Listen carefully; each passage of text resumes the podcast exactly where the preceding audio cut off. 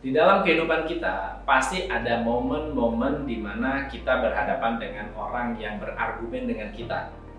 Orang-orang yang selalu berusaha untuk menjatuhkan kita dengan argumennya dan perdebatannya menjadi tidak menyenangkan. Gimana cara memenangkan argumen dengan elegan?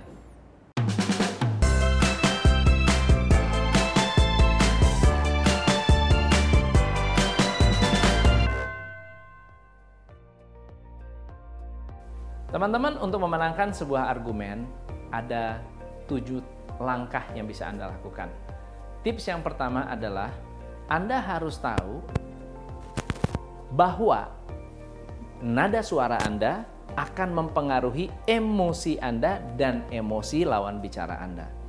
Kalau Anda bicara dengan nada yang tinggi, misalnya contohnya, "Hey, kamu gimana sih? Enggak, saya udah bilang, nggak mungkin bisa begitu. Udahlah, kamu ini gimana sih? Saya udah bilang ini yang paling benar. Oke, Anda pakai nada yang sangat-sangat tinggi. Nomor satu, Anda akan terkesan frustrasi, tapi lawan bicara akan terpancing untuk mempertahankan argumennya juga. Kalau Anda melihat debat di televisi semakin tinggi satu orang berbicara, semakin tinggi lawan bicaranya akan berbicara. Jadi bagaimana caranya agar Anda bisa mengendalikan situasi? Gunakan nada rendah. Kalau Anda bilang, saya udah bilang ini yang paling benar, ini yang paling benar. Lu gimana sih udah dikasih tahu? Oke. Jadi Anda bilangnya, saya sudah bilang ini yang paling benar saya sudah sampaikan ke kamu. Sudah dua sampai tiga kali saya sampaikan. Nah, ketika nadanya berubah, ketika nada Anda rendah, orang tahu Anda terkendali. Anda tidak terpancing emosi. Tips yang kedua adalah berikan sub communication message bahwa Anda tidak sedang ingin bertarung.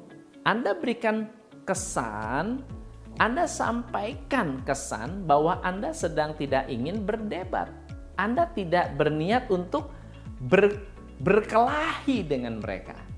Anda harus bisa menyampaikan kesan dengan humor bisa dengan menyampaikan pesan-pesan dari dalam bahwa Anda tidak sedang berantem, tidak cari masalah.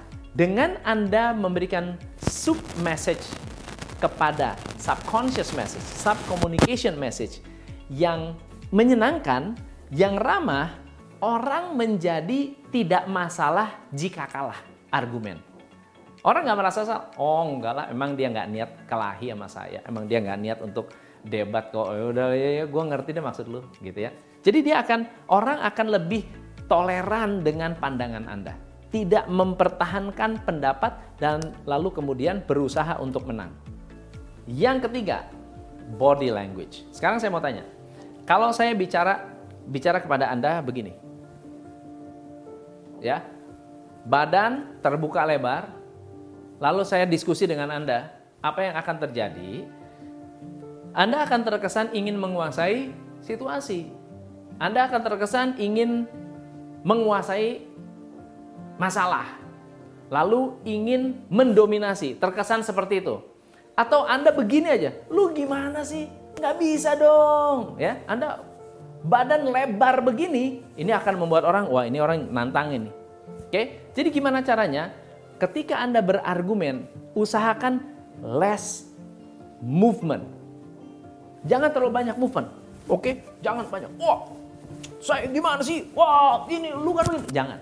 Justru semakin sedikit movementnya semakin bagus. Misalnya contohnya, tangan dan badan menyempit, tidak banyak bergerak, dengarkan dengan seksama.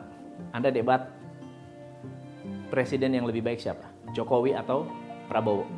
Kalau Anda, kamu, saya sudah bilang, si ini lebih bagus, si Ono lebih bagus. Tapi Anda bilang, saya sudah katakan bahwa pilihan saya yang terbaik. Tenang, badan menyempit, tidak banyak bergerak, menunjukkan Anda stabil. Menunjukkan Anda tidak menyerang. Menunjukkan bahwa Anda akan tetap tenang walaupun dalam hati Anda gelisah. Gunakan body language yang tidak banyak gerakan. Yang keempat adalah nafas. Teman-teman, kalau Anda sudah tahu Anda sudah terkena mau marah itu biasanya nyesek dada. Jadi, Anda tarik nafas. Tarik nafas. Dan kalau Anda naik nafas, ya, pelan-pelan narik nafas, buang nafas pelan-pelan, jantung Anda akan tenang. Oke, ketika jantung Anda tenang, pikiran Anda akan tenang.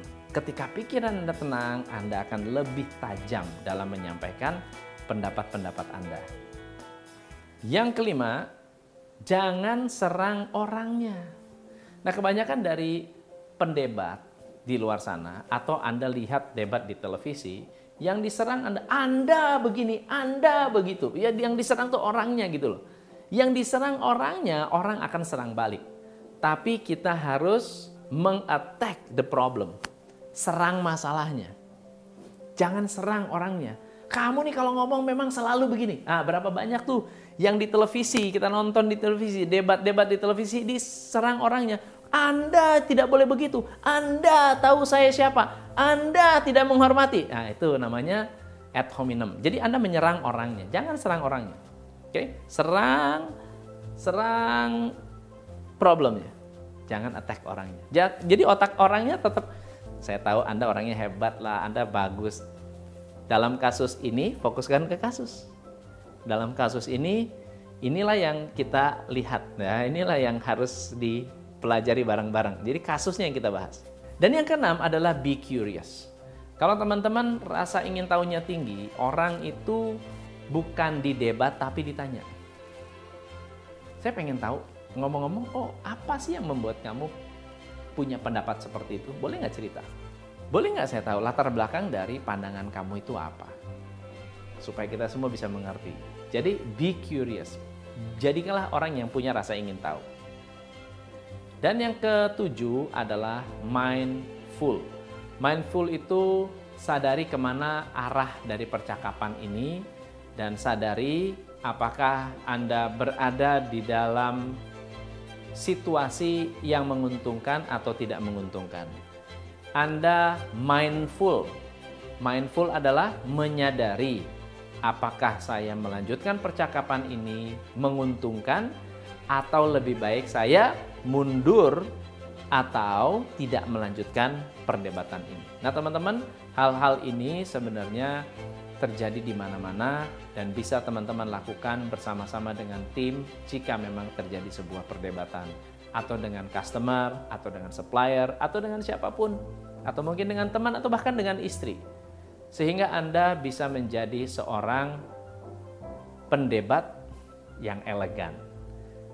Jika Anda merasa manfaat, komen, like, and subscribe, share ke teman-teman di luar sana, dan jangan lupa, saya Tom MC Fle, salam pencerahan. Hanya di Top Coach Indonesia